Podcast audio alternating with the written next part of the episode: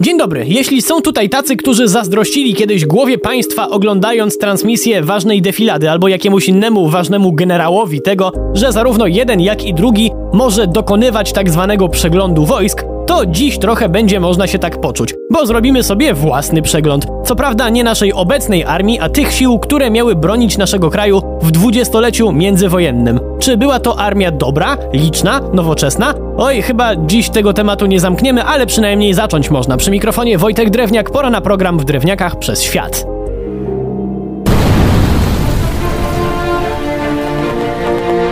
Odzyskaniu niepodległości nie minęło wiele czasu i nasza armia musiała praktycznie na dzień dobry zetrzeć się z Armią Czerwoną i walczyć nie tylko o zachowanie niepodległości, ale generalnie o powstrzymanie komunizmu w dalszej drodze na zachód. Zadanie obłędnie ciężkie, bo przekładając to na sytuację piłkarską, to tak jakby dopiero co powstały klub, w drugim tygodniu działalności musiał się zmierzyć z dość dobrze rozbujaną już drużyną. Tyle dobrego, że nasi wojskowi byli znakomici, a w Armii Czerwonej było wielu niekompetentnych pachołków, jak choćby Stalin, który jeszcze wtedy liderem nie był, ale i tak był w stanie popsuć bolszewikom plany przez własne ambicje. Tak czy inaczej, nasze wojsko skutecznie bolszewików sprało i szybko w Europie stało się siłą, którą wszyscy szanowali. Nie tylko zabitność. Również za liczebność, bo w latach dwudziestych nasza armia była trzecią co do wielkości armią lądową na kontynencie.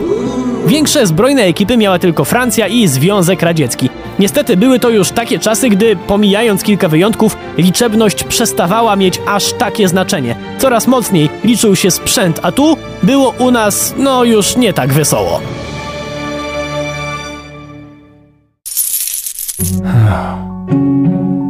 Sytuacja gospodarcza, czyli krótko mówiąc fakt, że nie na wszystko było nas stać, to jedno. Jednak nie wolno też pomijać smutnego faktu, że nasi liderzy, i polityczni, i wojskowi, a w sumie często jedno się przecież pokrywało z drugim, ugrzęźli po zwycięstwie nad bolszewikami w micie wielkiej, wybitnej, siejącej postrach polskiej armii, której kawaleria pokona każdego.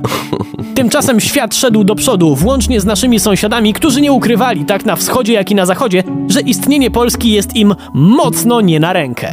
Sytuację w poszczególnych wojskach omówimy sobie oddzielnie, ale dziś rzućmy sobie odrobinę światła na to, jak kluczowe elementy były w naszym wojsku zbyt długo ignorowane. Przede wszystkim tak kluczowa rzecz na nowoczesnym polu bitwy jak łączność. Aż do lat 30. nikt nie starał się za bardzo unowocześniać tej kwestii. Potem, jak pojawił się nam nóż na gardle, to prace oczywiście ruszyły, ale zaległości nie dało się nadrobić.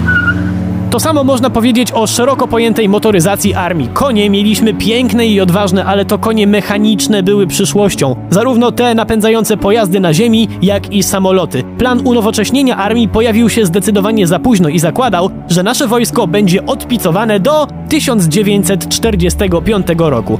To jednak nie koniec problemów. Bo sama filozofia podejścia do nowoczesnego sprzętu była u nas inna niż na zachodzie. Zwłaszcza widać to przy okazji czołgów. Niemcy postanowili uczynić z nich główny atut w ataku. To czołgi miały wjeżdżać we wrogie wojsko i dawać przewagę. U nas uznano, że lepiej sprawdzą się przy osłanianiu piechoty. Miały to być bardziej jeżdżące bunkry.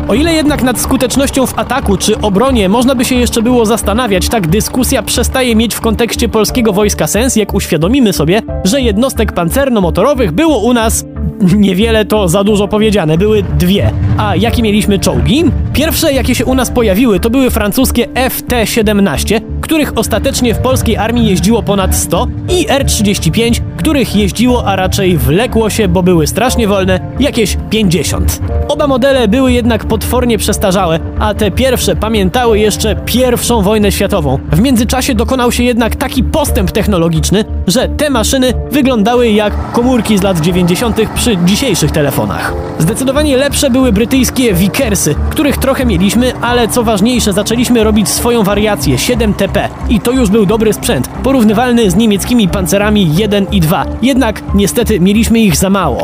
A tankietki? Ktoś zapyta. A owszem, tankietki też mieliśmy. Może nie każdy wie co to jest, to wytłumaczę tak na szybko. To takie małe, lekkie czołgi. Od początku lat 30. produkowaliśmy tankietki TK, które zgodnie z filozofią wojska miały służyć do wspierania piechoty albo jeżdżenia na zwiady, a nie do siania terroru i śmierci w oddziałach wroga.